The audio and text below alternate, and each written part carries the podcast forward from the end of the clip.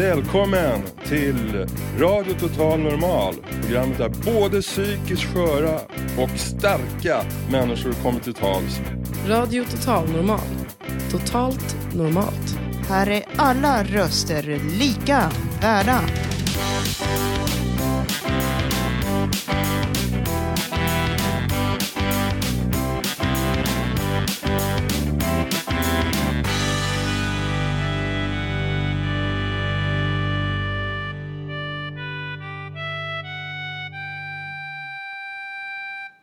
Hej allihop och hjärtligt välkomna till Lava Kulturhuset. Idag sänder vi på Radio Total Normal härifrån. Vi står här i direktsändning med vår underbara publik framför oss. Wow. Idag är vårt tema diagnos. Jajamän, och då kanske ni undrar vilka är vi som står här uppe och pratar? Och det är alltså Alexandra Barkov och Tobias Torvid som står här. Välkomna till Eten hörni, 101,1, fantastiskt. Idag, denna torsdag, ska vi få höra lite livemusik. Vi har nämligen ett band som heter ITC, International Eh, yes, det ska vi veta. City Alliance. City, exakt, där har vi det. International City Alliance. I love it. In the City Alliance heter den. In the City Alliance. Det stod inte här, men jag, jag såg det senare, det ska vi höra. Färsk hiphop direkt ifrån plattan. Och sen Fontänhuset Sköndal, var är ni någonstans? Jajamän! Ni är ju här och ni ska berätta vad ni gör och hur man hittar till er. Och sen ska vi också först få träffa Selene från teaterprojektet Ung utan pung. Då kör vi igång, applåd!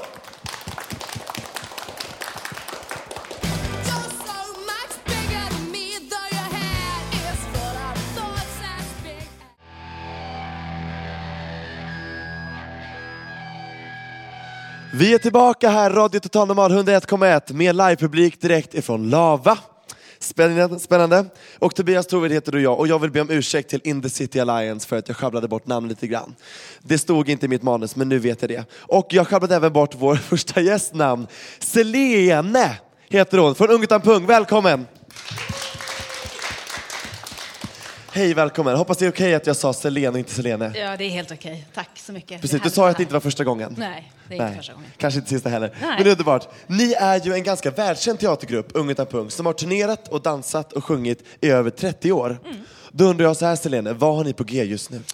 Eh, just nu så har vi två produktioner som går eh, ganska frekvent. Eh, en barnteater som heter Kurre och kompis och Den försvunna sagan. Men framförallt då ungdomsteater som är vår starka sida, som eh, är Hjärta mig. Som är en teater som handlar om ungas utsatthet på nätet och internet överhuvudtaget. Och en annan uppsättning som heter Puss och snusk, som handlar om kärlek och sex. Ehm, och det är de som, som redan eh, är färdiga och som turneras flitigt nu. Men vi jobbar även med en ny uppsättning på psykisk ohälsa som vi kallar för Nu blev det knas. Det tycker vi Mm. jättemycket om, speciellt här. Vi uppskattar att ni lyfter fram tabubelagda ämnen i era uppsättningar, som till exempel psykisk ohälsa. Mm. Och då undrar jag så här Selene, vad är din roll i det hela? Jag projektleder. Jag är totalt talanglös som skådis, så jag gör någonting helt annat. Eh, och håller ihop eh, ramarna och tittar på vad ska man ta upp i det här. För det som är speciellt med Ung utan pung är att de är duktiga på att göra underhållning eh, på svåra ämnen. Eh, utan att det blir pekpinnar, utan att det blir kletigt. Eh, Det brukar vara väldigt fräckt. Det brukar vara, eh, vi, brukar säga att vi gör teater för de som inte gillar teater. Eh, och, och många ungdomar kanske inte har teater högst upp på deras priolista. Men det brukar vara väldigt, väldigt uppskattat och vi får väldigt fina recensioner av just ungdomar som inte gillar teater. Men det är fantastiskt. Och då undrar jag så här, Selene, vad drog dig till just det här projektet? Ja, men alltså ung utan pung, behöver jag säga mer? Eh, men, eh, min psykisk ohälsa har varit eh, är en av mina hjärtefrågor, absolut. Och att prata om det är väldigt svårt, det har ni också märkt, antar jag. Ehm, och när man tar upp svåra ämnen så bör man göra det på ett sätt som tar bort tabun och stigma, eller i alla fall lägger det på bordet och gör det hanterbart.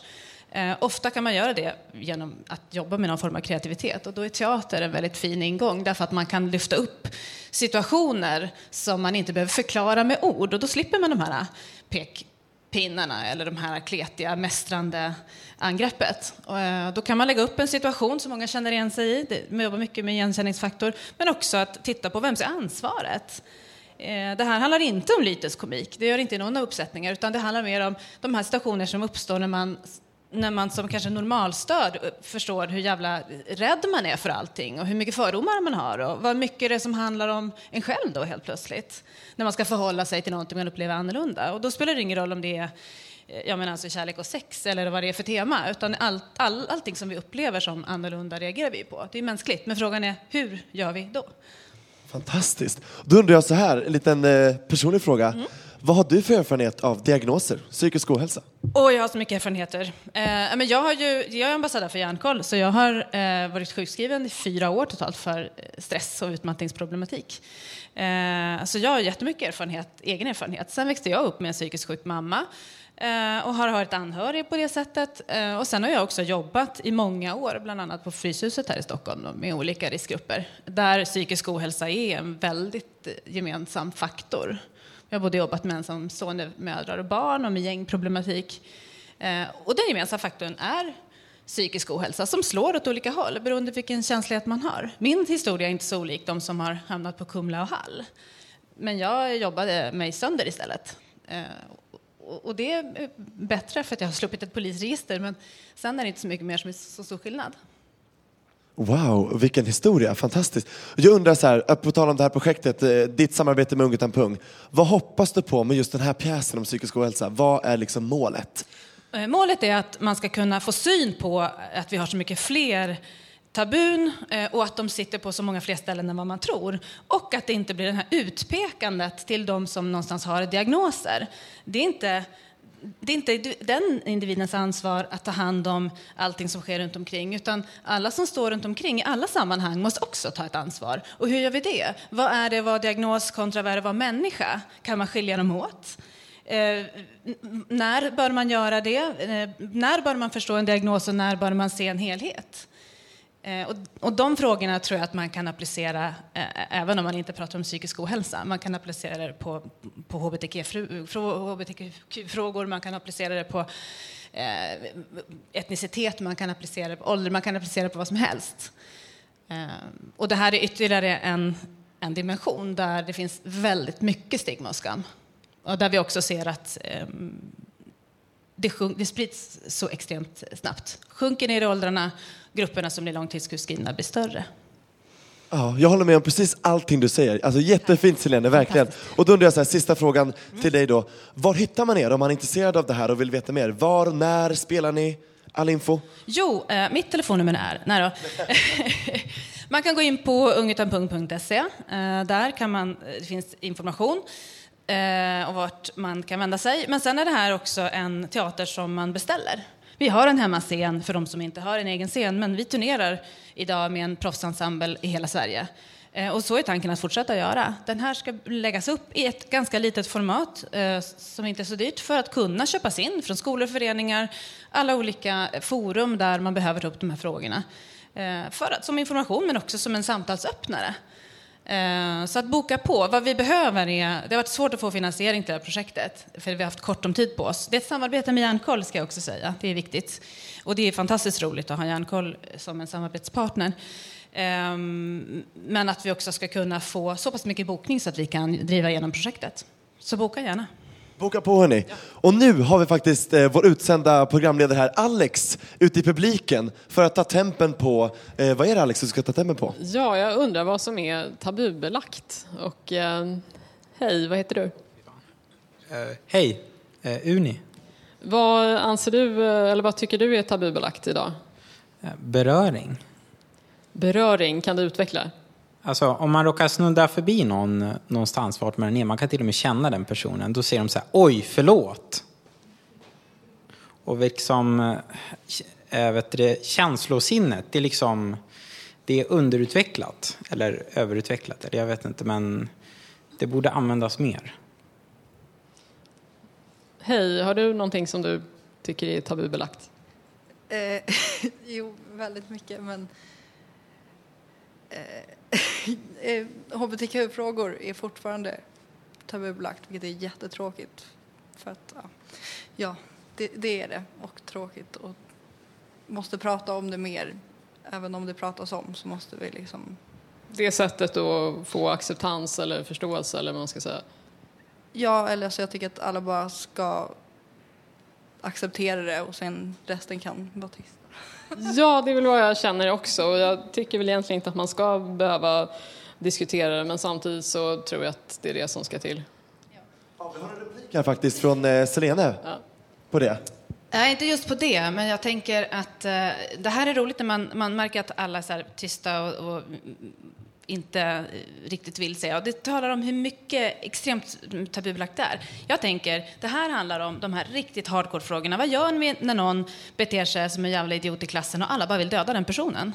Hur gör vi när man misstänker diagnoser och ingen kan prata om det? Vad gör vi när någon får tics eller beter sig i en vanlig situation? Eh, för det är nästan ingen som vågar ta upp det. Hur jobbar man med det? Hur närmar sig man, man en person som är annorlunda utan att vara rädd för att kränka? Kan man göra det? Sådana frågor eh, är intressanta. Och det här tror jag alla känner igen sig i. Jag håller med. Så boka Ung utan pung hörni. Underbart. Nu ska vi gå vidare i programmet. Tack för att du kom Selene. Stor applåd! Lycka till!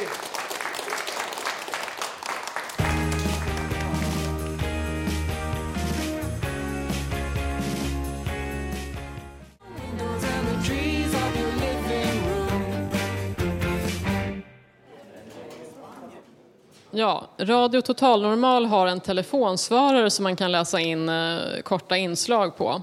Idag har Rebecka från Umeå ringt och läst in en text om att tro på sig själv. Som Hej, jag heter Rebecka Amserud och jag är författare till boken Ett i lös hjärta. Jag skulle vilja prata om att våga tro på sig själv och inse att man är värdefull. Som 20-åring fick jag min diagnos bipolär sjukdom och blev snabbt sjukskriven och fick säga upp mig från mitt jobb. Totalt kaos, för jag älskar att jobba. Helt plötsligt gick jag på SOS och jag kände mig otroligt mycket för att jag var psykiskt sjuk. Jag visste inte längre vad framtiden har att erbjuda. Jag fann ingen stabilitet i min kroniska sjukdom. Mitt liv var över. Under den här tiden såg jag mina vänner resa runt jorden och söka in på olika universitet. Jag var helt handlingsförlamad i mitt mående. Det jag inser idag var att jag önskade följa normen, annars dög jag inte. Det jag inte insåg då var, var att jag var bra som jag var och värdefull oavsett hur jag än levde. Hur än ditt liv ser ut så är det lika värdefullt som vilken annan människa. Skippa normen. Alla har bra egenskaper. Plocka fram dina. Se den. Skriv ner det du tycker är bra för själv och belys den. Ingen är ett totalt mörker. Det finns ingen människa som du.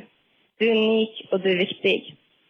Det finns inga hopplösa fall. Jag var tydligen den hopplösa dottern, den hopplösa patienten, ja, den hopplösa tjejen i skolan. Men vet ni vad?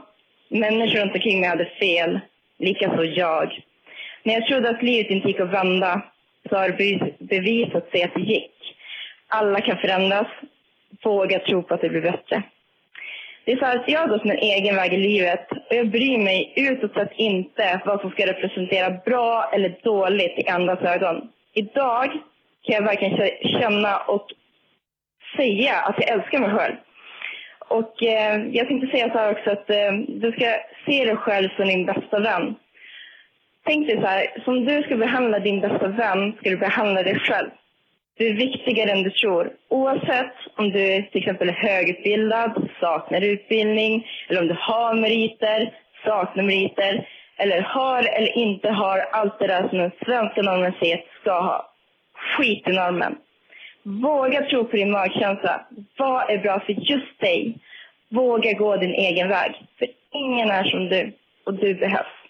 Kärlek till er. Hej då. Ja, det där var alltså Rebecka som ringde in till vår telefonsvarare. Om du vill läsa in något på vår telefonsvarare så kan du ringa 08 400 20807. Vi tar det igen, absolut. Du ska alltså ringa 08 400 20807. Härligt hörni. Nu ska vi få höra färsk hiphop direkt ifrån plattan. Det är alltså ITCA, In the City Alliance. Vi ska prata lite med dem senare, men först en låt, Den änglalika.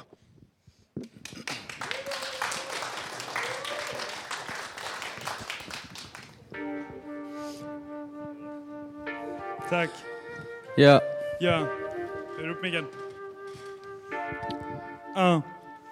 20 oktober med mitt liv asfräckt Men sen åtta dagar in på nya året blev jag knäckt. Två dagar innan julafton förlovade jag mig med en tjej som sa Jag vill alltid vara med dig! Sure baby, jag skrattar när jag tänker på det. Du sa något som två veckor senare var fel. Jag dög inte längre när du träffade din grek Men från mig till dig har det alltid funnits kärlek. Jag vet att du inte kommer tro på det jag säger Men hur jag än försökte så fick jag inga tjejer.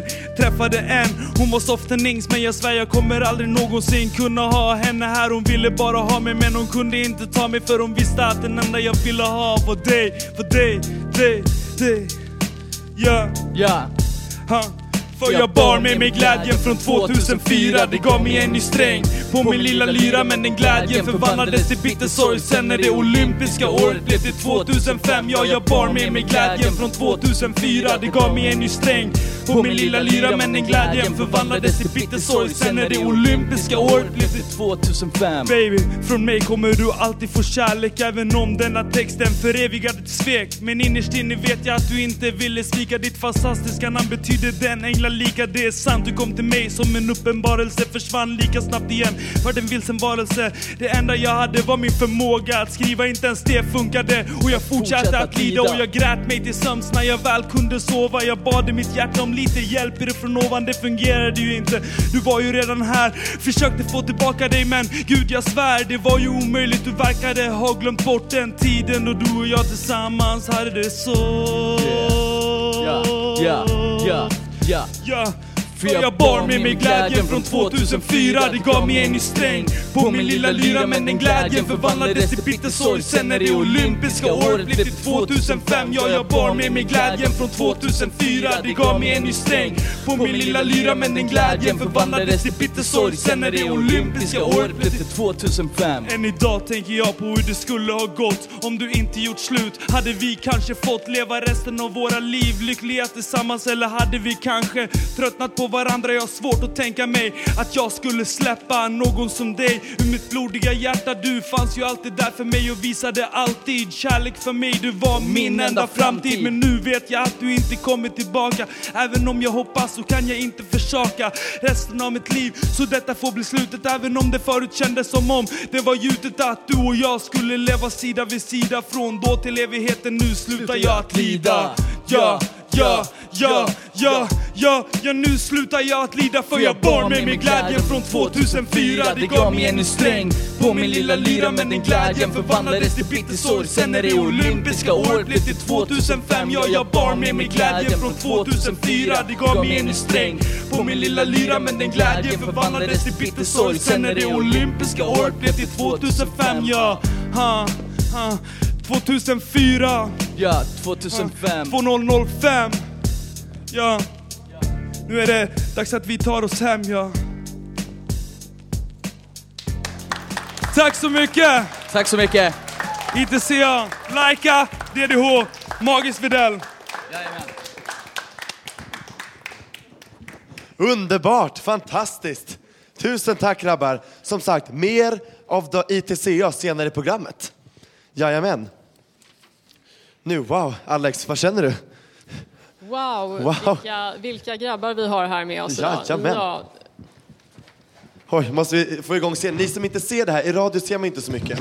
Men ni som är här, ni ser att vi ska sätta, tillbaka våra grejer här på scenen som sagt och komma i ordning här efter denna hiphop performance. Ja. ja, och nu är det rent av så att vi ska få höra en personlig favorit i repris. Tobbe ger sig ut i taxibranschen med diagnos i fokus.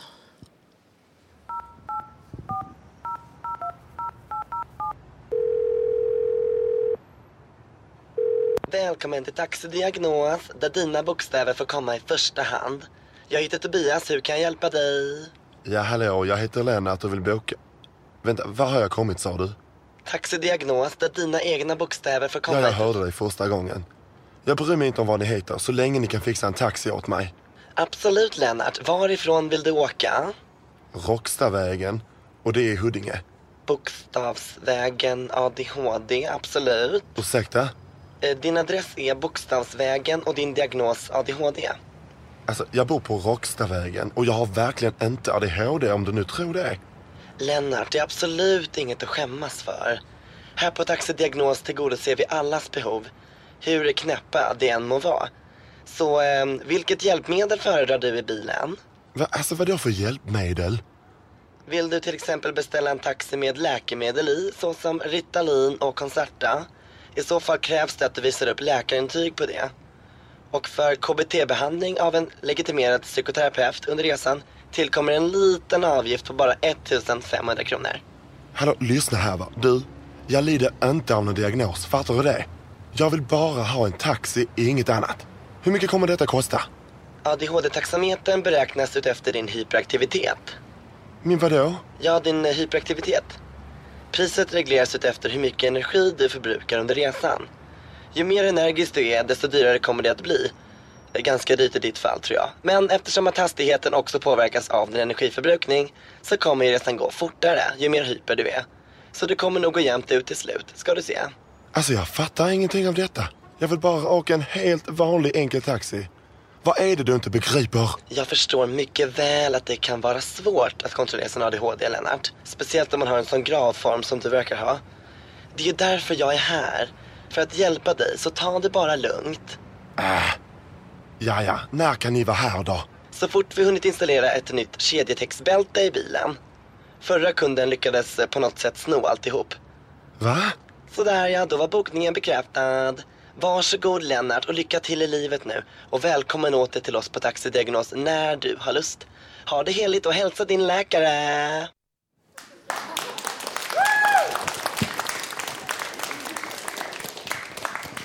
Jajamän! Det där var alltså ett inslag som jag har gjort, Alex. Det där har jag faktiskt aldrig hört. Vad Har tyckte du inte? Alltså det tycker Nej. jag är så himla konstigt. Det var jättebra tycker jag, för det var alltså jag som var båda rösterna. Ja, jo det... Ja, det, det kanske var att jag tror, men det, det var jättebra bra teknik där kände jag. Ja, i alla fall, tillbaks. Nu blir jag lite Ja, så här, nästan generad nästan. Mm. I alla fall, nu går vi vidare här. Vi ska ha en liten programledarsnack här du och jag Alex. Vi ska prata om eh, trender av diagnoser. För det är dagens tema, diagnoser. Och jag tycker att jag har sett en trend i ADHD och ADD. Och mycket i branscher där man är på, framåt. Alltså sociala branscher där man jobbar med folk. Då tycker jag att man kan säga att folk skyltar eller skyller på diagnosen när det passar. Och det är oftast självdiagnostiserat. Och då tycker jag att det känns som en riktig örfil mot oss som har blivit utredda av överläkare och som har det på riktigt. Vad säger du Alex? Ja, alltså jag har ju också märkt av det här och eh, i säljbranschen så är det ju, händer det ju att folk säger att de har ADHD och menar då egentligen att de är framåt och har mycket energi och sådär. Va? Men bara för att man har mycket energi så behöver inte det betyda att man har ADHD. Sen är det klart att det kan ju vara kul att dra på sig då om man är på en företagskick-off så kan det vara kul att dra på sig en t-shirt där det står 100% ADHD på. Och jag missunnar ju ingen det, men en diagnos är ju faktiskt ett funktionshinder och det kan det vara bra att komma ihåg kanske. Absolut. Alex, en lite personlig fråga. När fick du din diagnos? År 2008. Men det fick jag med. Faktiskt. Vi firar femårsjubileum Ja, eller- i år faktiskt. Mm. Jag och Alex. Ja. Vad roligt. Ja, eller tioårsjubileum då om man ska räkna upp våra ADHD-erfarenheter då. Exakt. Jag var 17 och du var 20. blablabla. Ja, det kan vi hoppa. Mm. Ja, precis. Det hoppar Ja. vi. Jajamän. Men Alex och allihopa, alltså, finns det något positivt med att folk går runt och säger att de har diagnoser? Ja, alltså ju mer man pratar om det, det har väl varit inne på tidigare här i programmet, att när man pratar om saker så blir de mindre tabubelagda, de blir mer accepterade. Vi behöver diskutera. Det tycker jag. Jag tycker att det är bra att det pratas mer öppet om det överallt. Men jag tycker ändå det ska pratas om på rätt sätt. Ja, Det får inte precis. bli så här självdiagnostiserat förlöjligande nästan. Som att man kan Mm. liksom, ta det som en, man, det som en accessoar. Det får det inte bli. Men Alex, vi har en slutpoäng i det hela. Ja, alltså det är ju det att eftersom man använder och kanske missbrukar eh, diagnosen ADHD så mycket så snart kanske man till och med kan säga att man eh, har ADHD om man faktiskt har det. Ja. Eller hur? Ja. ja. Applåd på det.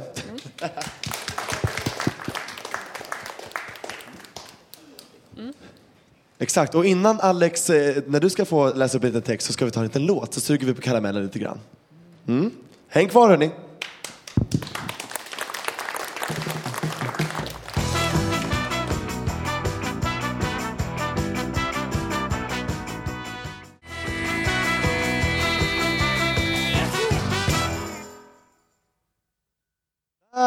Där, då är vi tillbaka i Radio Total Normal 101,1 direkt ifrån Lava.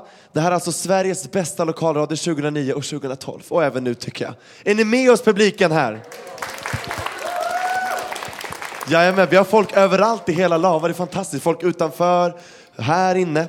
Alla vet. Nu, på tal om diagnos. Alex, du ska ju eh, framföra en personlig text. Ja, man kan väl säga att det handlar eh, indirekt om diagnos då. Eh, ja, och nu när jag står här och har möjlighet att bre ut mig så vill jag passa på att ta upp något viktigt. Nämligen att det här med vad vi väger kan bero på en massa olika saker. Man kan till exempel väga för mycket för att man äter antidepressiv eller antipsykotisk medicin. Man kan också väga för lite för att man äter amfetamin, ett preparat som ofta skrivs ut till folk som har ADHD eller ADD. Mediciner påverkar ämnesomsättning och aptit och då blir det väldigt svårt att själv göra någonting åt sin vikt. Det enda man egentligen kan göra är att sluta äta medicinen. Men även efter att man slutat kan det vara väldigt svårt att återfå vikten man hade innan man började. En annan sak som kan påverka vikten är om man lider av ångestsyndrom eller depression. Ofta har personer som lider av det problem med aptiten, vilket kan göra att man kan bli väldigt smal. Eller så är det precis tvärtom, man är deprimerad och tröstäter och då går man ju upp i vikt. Det verkar vara lättare att vara man och väga för lite eller för mycket. Som kvinna så upplever jag att jag hela tiden är påpassad, har blickarna på mig. Vissa verkar tro att alla kvinnor läser Veckorevyn och ägnar all sin tid åt att banta. Går en kvinna ner i vikt så tror genast folk att hon har anorexia. Jag önskar att folk kunde tänka till lite innan de klistrade den diagnosen på någon som i själva verket kanske har helt andra problem. Underviktig eller överviktig, det spelar ingen roll. Vi är alla jätteviktiga. Tack för mig.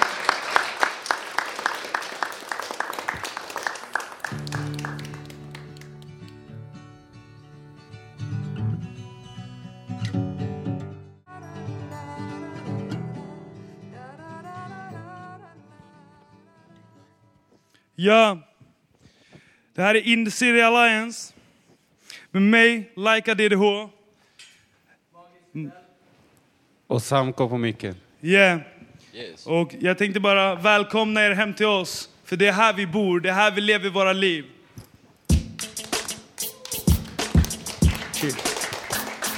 Ja, det känns som jag faller mannen. Va? Ja, det känns som jag faller isär. Ah. Vi går från drama till panorama. Här finns det ingen klagan för jag har inte tid med sånt. Nej, nej, nej. Jag har inte tid med sånt. Det är dags att dra fram det tyngsta ur arsenalen. Alla ni som lyssnar, det här är vardagen. En lång rad av bakslag och dåliga beslut gör vägen bak Har Min framtid tittar ut, ut ur gallret som jag alltid haft som livets skräck. Bedövar min rädsla med hjälp av en tablett. Allt blir dyrare medan min framtid är låst. Skyller inte på någon annan men jag känner mig blåst. På utbildning, ingenting kan vara någon annans fel. Mitt fel, jag valde fel i detta svenska spel. Min tid på toppen var kort, jag slog i botten när jag gjorde fel val. Så drog jag nitlotten, ett stort fet tack. Till alla som försökte, ingen skugga faller på er. Varför jag rökte men jag tog aldrig vara på den hjälpen jag fick. Rumlade runt nattetid, ni såg hur det gick. Jag går från drama ja, Till panorama.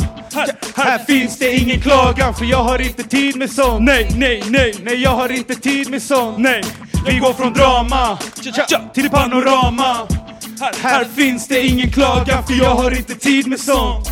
Jag pallar inte leva mitt liv som kameleont, springa runt och kamouflera. Mitt liv är värt att leva, öppet och direkt. Enda sättet att regera. Och ni har inte mandat nog att kritisera. Kan bara fundera när ni ser mig prestera. Från Marianergraven till Mount Everest. Hela världen vet jag är näst bäst i test. Gör det här med finess, ni säger livet är en fest. Men nej, det har aldrig varit särskilt lätt Att ta sig tillbaka till ett liv utan karta. Förebilder suddas ut, det är dags att starta. Visst fanns det framgång, men framgång har sitt pris Kolla baksidan mannen, jag ser det ända hit Som jag redan sagt, ingenting har något värde Fuck materialismen som bara stör Världen går med vanliga skor, de bär mig hela vägen Och jag tar mig tillbaka till toppen utav världen Går från drama ja, till panorama. Här finns det ingen klagan för jag har inte tid med sånt. Nej, nej, nej. Jag har inte tid med sånt. Vi går från drama ja, till panorama. Här, här finns det ingen klagan för jag har inte tid med sånt. songs Jag pallar inte mer att leva livet. Jag går från punk till hiphop. Tänker aldrig sätta stopp, kör som vi lever. Alltid på topp. Utan cash eller känslomässig flash.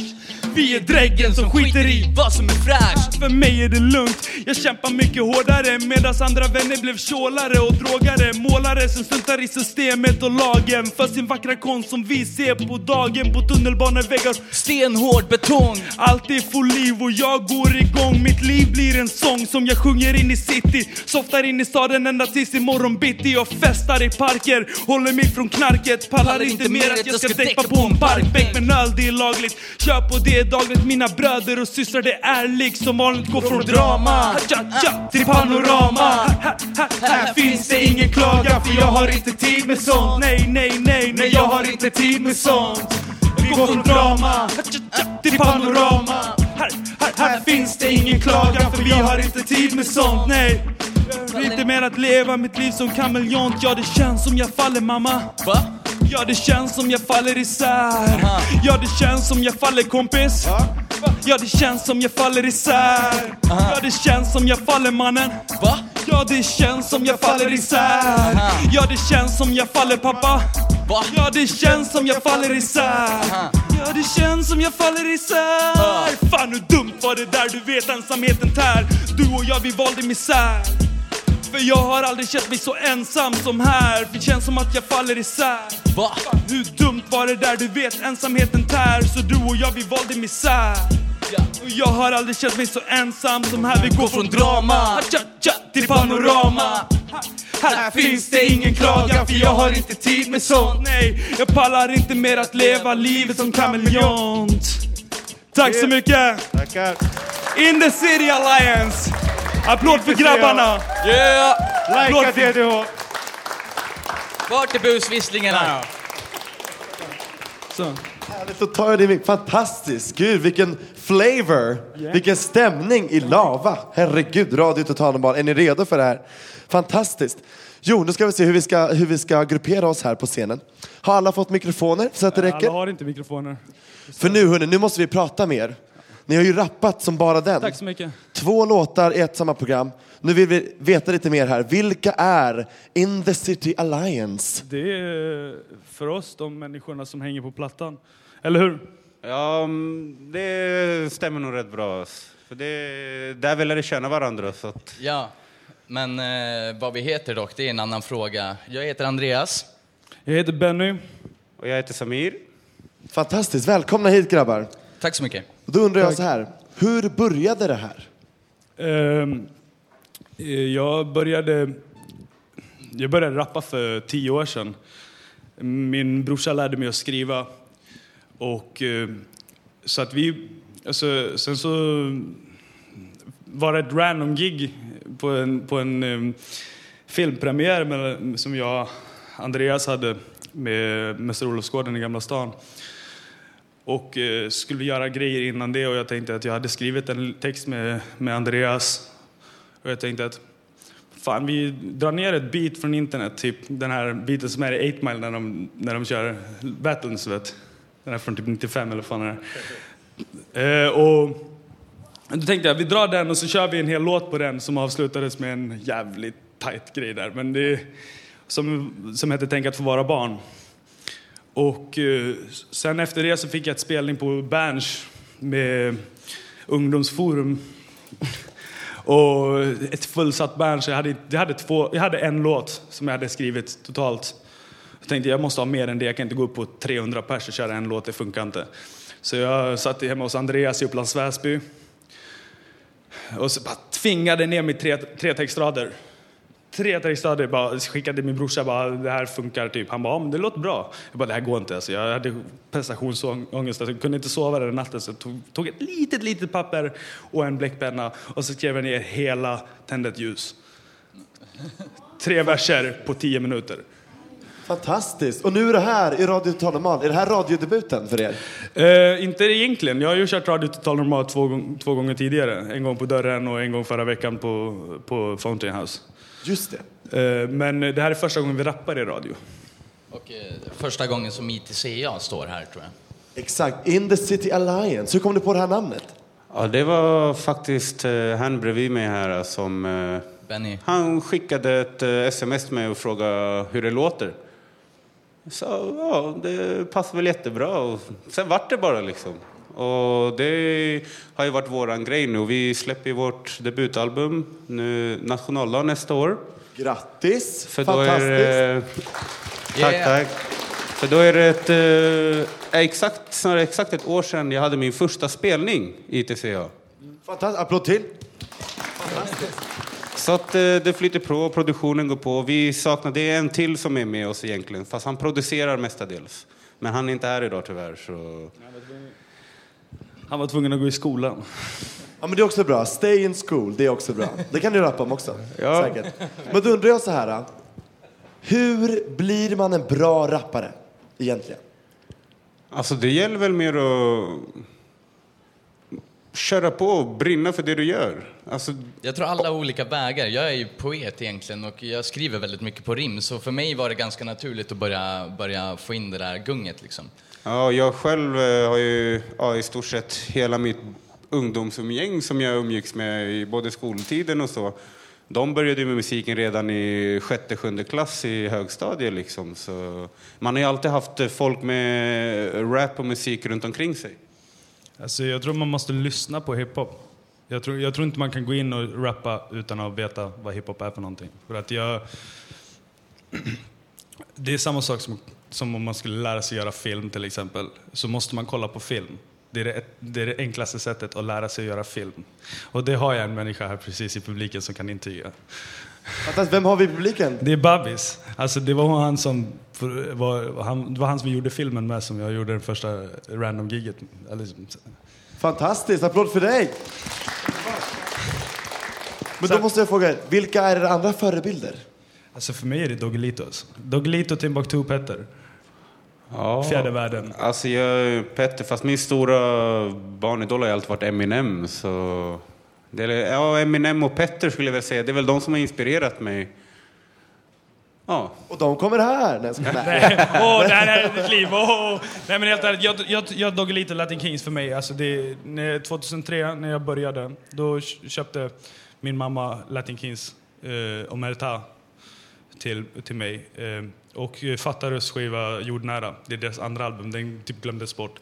Och den är fantastisk, det är så här fantastiska texter och det liksom fick mig att bli intresserad av texterna. Sen så, eh, The Botten is Snodd från samma år med, med Timbuktu, det är ett fantastiskt musikår by the way. Det är skitbra plattor. Eh, och eh, Petters, eh, Petters två, tre, fyra, fyra första plattor, de är helt fantastiska. Fjärde världen, helt bortglömt band från, från eh, Nacka eh, med Matte och Tom. Max Pisi nu. Han, han, de har gjort tre album som, som alltså de är fruktansvärda texter hela vägen. Det är sjuka, de handlar om, alltså det handlar om uppväxtförhållanden. Eh, Mattes pappa, när han satt på kåken för mord och han, hans pappa, mamma dog i cancer. Och det är sådana grejer som har liksom etsat sig fast i hjärnan. Man bara, men insåg att vi kan liksom, vi kan beskriva vår verklighet. Jättebra. Nu har vi inte så mycket tid kvar tyvärr med grabbar för programmet måste fortskrida. Men jag har en sista fråga här. Vi har ju diagnostema idag. Då måste jag bara ställa er den här personliga frågan också. Vad har ni för erfarenhet av diagnoser? Ehm, ja du. Halva plattan Alltså, har väl diagnoser om vi säger så. Ja.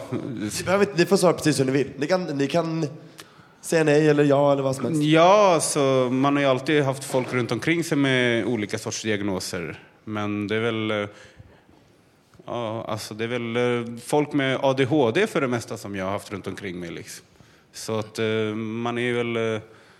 Ja, lite Jo, sådär. man, man måste vänja sig och leva med dem också. Jag bodde ju hemma hos Benny i två år och det kunde vara lite komplicerat till och från eftersom han har, han, har, han, är, han är en egen mental person, in, alltså på det sättet att, att han, har sina rutiner och det, det, han tycker inte om förändringar när, när, när de kommer sådär. För jag är Asperger och ADD. Det är en extremt rolig kombination. Jag vill berätta lite om den. Hur känns det att ha det? Alltså, jag fick väldigt mycket hjälp med min Asperger från när jag fick det. Liksom, jag hade koncentrationssvårigheter motsvarande DAMP till STAM försvann som diagnos. Sen omvandlades den till ADD. Ehm, så att jag fick jättemycket hjälp med Asperger, men jag fick ingen hjälp med ADD. Och då spelar det ingen roll hur mycket hjälp du får för Asperger. För att ADD kickar ut all den hjälpen eftersom man klarar inte av den på det sättet. Så man måste ju liksom forma hjälpen individuellt från person till person. Jag tycker du ska komma hit oftare faktiskt och uppträda. Det kanske är lite terapi det också. Ja, absolut. Ja, musiken terapi. Jag vill tacka publiken by the way. Ja, tack. Ni är fantastiska. Tack till publiken. Underbart. Tack, tack. Tack så mycket. Tack. Underbart.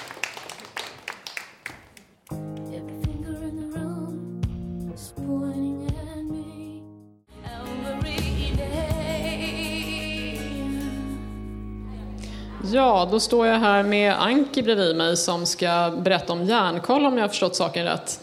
Hallå Anki! Hallå, hallå. Uh, ja, jag ska, jag ska berätta att uh, just nu på eh, Mynttorget så står det några eh, så kallade järnkollsambassadörer och delar ut glögg och står med facklor. Och de står där mellan klockan tre och klockan fem. Gud vad det ekar här. Det är Kulturhuset vi är på. Yeah! Men mellan tre och fem så är det som sagt en manifestation från, från Hjärnkoll som, som sprider kunskap om psykisk ohälsa för att minska stigmatisering. Och, så. och de står där och snackar med politiker. Eh, alla från riksdagshuset och regeringen och allihopa är inbjudna och ska dit och prata med eh, oss järnkollsambassadörer, för jag är också det. Vi föreläser om, om eh, psykisk ohälsa. Så. Och jag brukar göra radio här då. Jag ska ehm, eh, ta en jättekort text, för dagens tema är eh, diagnoser. Och när man har psykisk ohälsa så får man psykofarmaka. Och psykofarmaka kan ge mycket allvarliga biverkningar i form av somatiska eh, sjukdomar. Eh, för min del så har det inneburit att jag nästan har dött av lunginfarkt. Jag har fått alltså djup ventrombos i benet som följer med blodströmmen upp till, till lungorna och sätter sig där och då får man lungemboli och lunginfarkt som jag har haft. Och jag har legat på sjukhus två gånger för det och höll på att dö av det. Eh, och kan inte ta någon psykofarmaka på grund av detta. Och det är därför jag låter lite andfådd ibland också. Jag ska bara säga så här, en tanke. Det är inom den somatiska vården som jag har upplevt den bästa psykvården. Milt, vänligt, lugnt bemötande. Omtänksamhet och personal som bryr sig om att vårda och tillmötesgå önskemål och behov. Tydliga dagsrutiner, tydlighet i vad, varför, hur personalen genomför eh, sitt arbetsuppdrag. Tydlighet i min roll som patient också, i vad, varför och hur jag ska göra. Där personalen förklarar, instruerar och lär ut. Ehm, eh, eh, en, en stämning av humor och skratt som eh, hela själsligt i en allvarlig och svår situation av att vara somatiskt sjuk. En stämning av eh, förtröstan, eh, att allt kommer att bli bra, att det blir bättre, som eh, personalen aktivt förmedlar. Personal omkring mig som patient som arbetar, ja häcken av sig och inte sitter och latar sig som tyvärr psykvårdspersonal ofta gör för att de inte vet vad det är och hur och varför de ska göra. Eh, psykvården har mycket att lära av den somatiska vården, men vad är det de har att lära sig, tror ni? Kan ni sätta fingret på det? Något att fundera på? Tack för mig. Jag heter Anki Mattis. Välkommen upp på scen Thomas. Du ska prata lite om historia jag förstått. Men först hade jag tänkt fråga dig, vad har du för diagnos? Ehm, det är en lång historia. Om du ska ta den kort. Ehm, först depression, sen manodepressiv, sen schizofreni. Men nu säger läkarna att jag inte hade schizofreni utan att jag har ADHD. Aha, de har kommit på andra tankar. Jo, sen hade jag ju ångest liksom. åtta timmar. Vad händer med den då? Ehm, Man får ångest av neuroleptika. Ja, det är sant. Så jag tar inte så mycket nu, så då har jag inte ångest heller. Ehm, Jag skulle berätta om den här i alla fall. Ehm, Min morsa heter Karin Johansson och den här kvinnan heter Karin Johannisson. Så jag tyckte det liksom var ett roligt sammanträffande. Så vet du, den heter Melankoliska rum om ångest, leda och sårbarhet i förfluten tid och nutid. Och den är skriven som en uppsats. Och vet du, um, själva citatet i början, så liksom det, allting det handlar om, det är Vem är inte galen? Vem är fri från melankoli? Ja, det är en bok också. Det är så, jag kan liksom inte vara normal. Jag har aldrig kunnat vara det. Jag har aldrig kunnat följa regler. Så jag, liksom, jag kan göra precis vad jag vill hela tiden och säga vad jag vill. Men jag får ångest över det sen. Um, och den går liksom igenom precis som en uppsats. Så är det. Um, liksom i massa olika kategorier och underkategorier och underkategorier till det. Så det jag tänkte prata om då, det är melankoli, förlusten. Och då finns det då fyra färger på det, svart, grå och vit. Och det här är då senmodern melankoli. Och då kvinnors melankoli. Och eh, bara ett litet grej där om det. Eh, historiskt sett tiger den kvinnliga melankolin. Hildegard av Bingen, medeltida mystiker, är en sällsynt kvinnlig röst som beskrev skillnader mellan kvinnlig och manlig melankoli. Den manliga melankolikern är grov och djurisk, hävdade hon. Medan melankoliska män blev svarta, hatiska och i umgänget med kvinnor lika oberäkneliga som en åsna blev kvinnliga melankoliker kraftfulla och självständiga. Du hade ingen mick? Ja. ja. Räcker det så? Ehm, sen, hade jag, sen hade jag en liten diagnos på mig själv. Det heter um, Jag är en sökare. Jag letade och letade och letade och letade men fann bara mig själv. Jag ville ha och ha och ha men fick bara mig själv. Så jag har en ring här. Jag har en ring här och vet du, um, den tänkte jag ge till mig själv.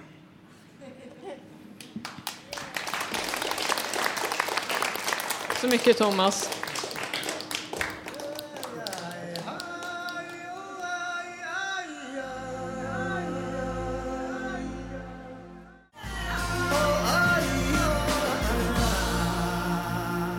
Välkomna tillbaka! Wow, hörni, nu är vi tillbaka i Radio Total Normal 101,1 live på Lava med publik och vi har ett spännande, spännande program. Det är inte slut än hörni.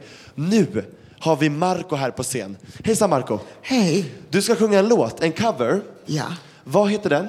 Den heter The man with a child in his eyes. Men jag ska sjunga den på finska. Varsågod.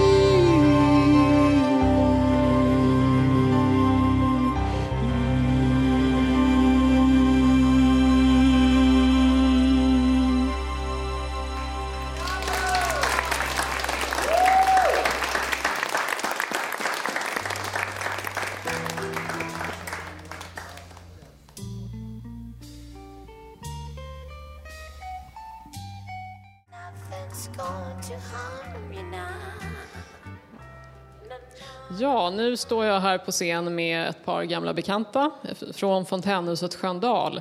Välkomna Ulla och Kristin. Tack så mycket. Berätta, vad är fontänhuset Sköndal för någonting? Ska jag börja, eller? Eh, Vi kan säga, kort och koncist så eh, säger vi att det är en arbetsrehabilitering för eh, människor med psykisk ohälsa. Den är fokuserad, eller fokus ligger på eh, unga vuxna som är då, vi har en ålder på 16 till 35. Väldigt eh, ja, nerskalat så. Ehm, Vad gör man på fontänhuset i Sköndal? vad gör man? Och, eh,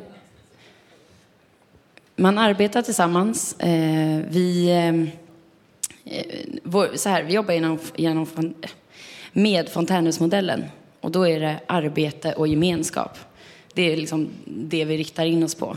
Vad man gör på ett fontänhus eh, är att eh, man kommer dit, man eh, får en struktur på vardagen, man bryter isolering, man... Eh, har du något mer, Ulla?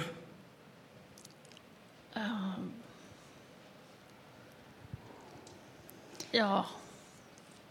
Det är så här, varför fontänhuset eh, finns eller vad vi, eh, vad vi har, eh, vad vi utgör för behov, kan man säga så? Ja, alltså det jag tänkte på också här det är ju att vi har ju temadiagnos idag i vår sändning. Hur funkar det hos er? Alltså vilka typer av diagnoser får vara hos er om man säger så? Eller behöver man ha en diagnos ens en gång? Och det är så intressant, för diagnoser är ju, tycker jag, jätteviktigt att prata om och eh, verkligen så här, lyfta psykisk ohälsa överlag.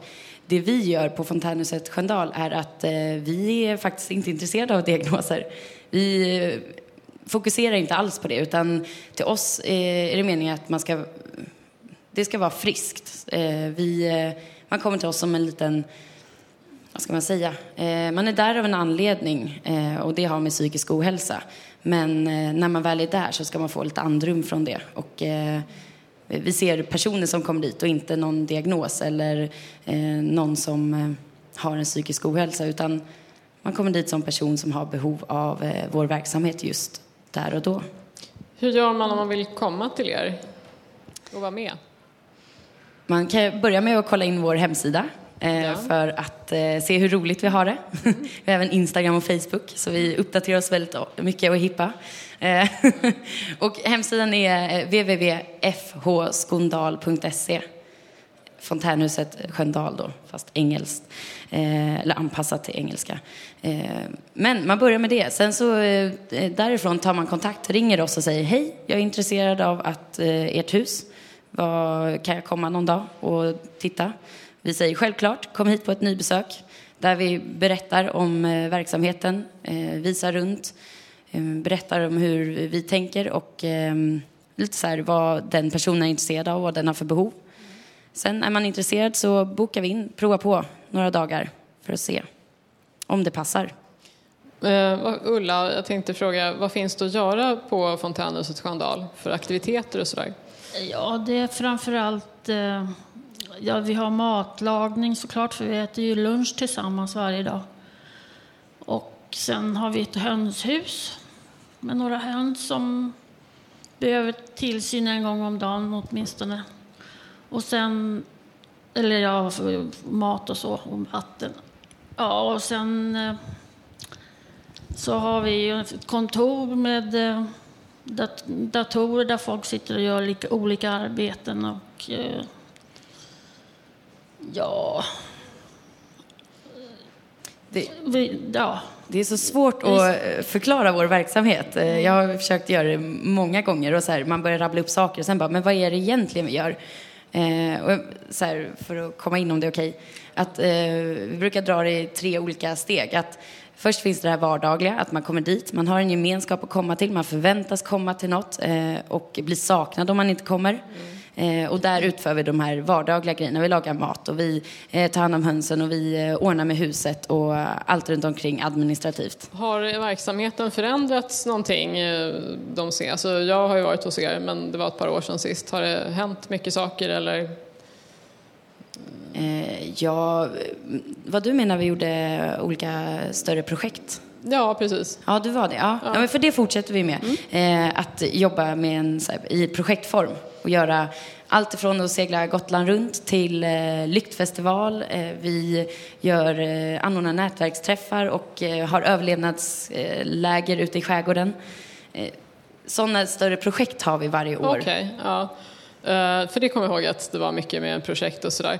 Jag undrar också hur er framtidsvision ser ut för unga med psykisk ohälsa. Vad skulle ni vilja förbättra? Lite kort här när vi är lite korta om tid. Vi vill ju nå ut till fler såklart. Nå ut till fler, synas mer. Men också det här med att så här, eh, jag vill egentligen att vi ska vara uppe på varenda typ, eh, vad heter det, billboard, vad eh, reklamtavla. För att så här, bara, psykisk ohälsa, så här, upprepa det så många gånger tills det inte blir något, eh, någon form av stigma längre. Det är det jag vill att vi gör. Ja, då får jag säga tack så mycket för att ni kom hit och ville vara med. Tack så mycket.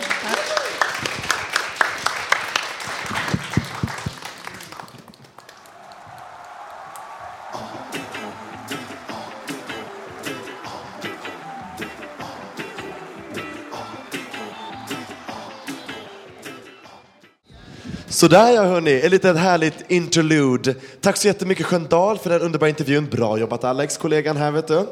Och nu är det dags för Gabriel, vår härliga medlem i ungredaktionen. Något som nog många med diagnos kan känna igen sig i är att situationer lätt slutar i kaos. Något som börjar med en helt okej dag slutar i olika typer av misslyckanden. Och förra veckan fick vi höra om Gabriels kryssning nu har det blivit dags för den utlovande fortsättningen om vad som hände på Rosa Villan och hur man inte betalar exotiska dansare.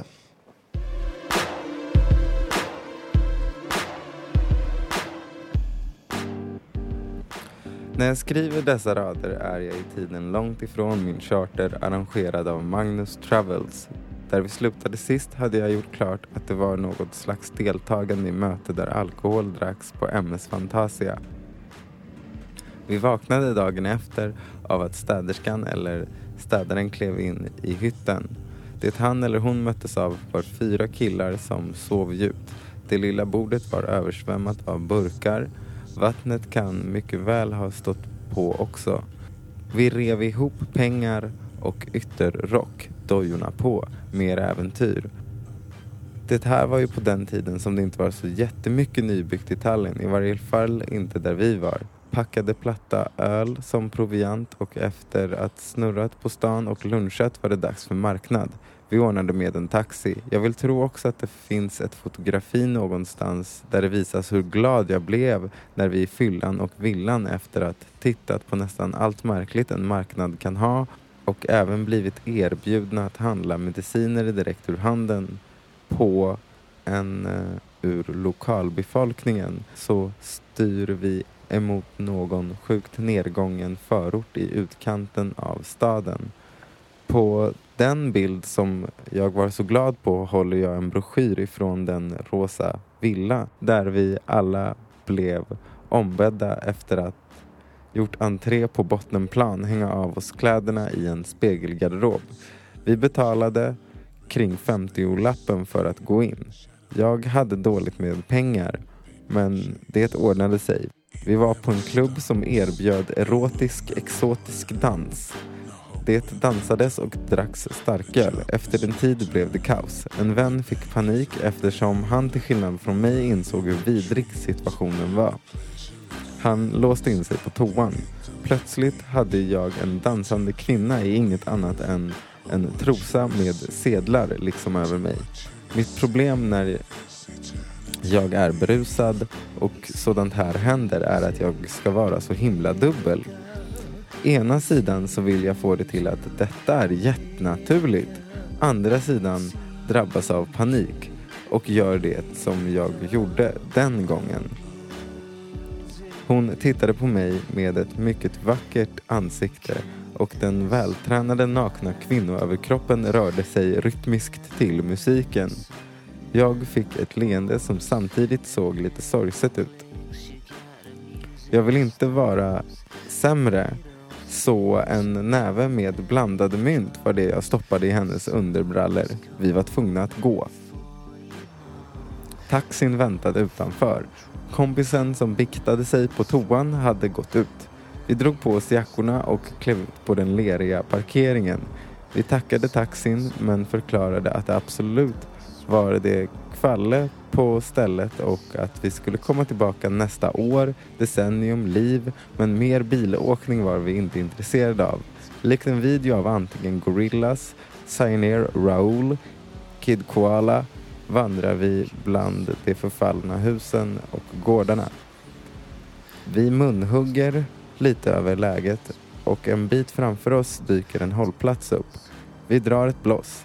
En trådbuss rullar in och innan någon av oss vet ordet av sitter vi mitt i stan igen och diskuterar någonting som jag inte kommer ihåg. Senare samma dag var vi på MS Fantasia igen och sedan var det favorit i repris.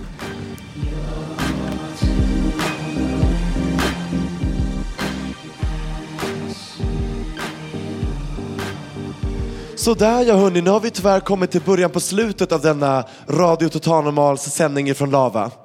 Hur känns det Alex? Det känns väl, eh, nu är jag nära så att det känns bra. Det gör det väl inte riktigt. Eh, nej men jätteunderbart att ha fått vara här. Ja. Absolut. Ja, i dagens, dagens program så har vi fått höra livemusik, poesi och underbart snack. Och nästa torsdag så kan eh, du höra oss igen. Då sänder vi med publik från Fountain House på Götgatan 38 i Stockholm. Då är det säsongsavslutning som gäller för övrigt. Fram till dess så kan du lyssna på oss på webben www.radiototalnormal.se. Tekniker idag var Nanny Johansson och producenter var Bodil Lundmark och Emma Lundenmark. Och vi, ja precis, vi som var dagens programledare heter Alexandra Barkov och Tobias Torvid. Och Och sen är det så att jag tror att eh, Tobbe, du skulle väl vilja hälsa till någon va? Ja, jag vill hälsa till våra största fans, familjen Forsberg på Söder, som alltid lyssnar på oss. Samma tid, samma kanal, varje torsdag. Så jag vill säga till, till dem och alla andra, tack och förlåt för allt. Vi finns här alltid för er. Tut slut, ha det så bra och ta hand om varandra. Så ses vi på säsongsavslutningen.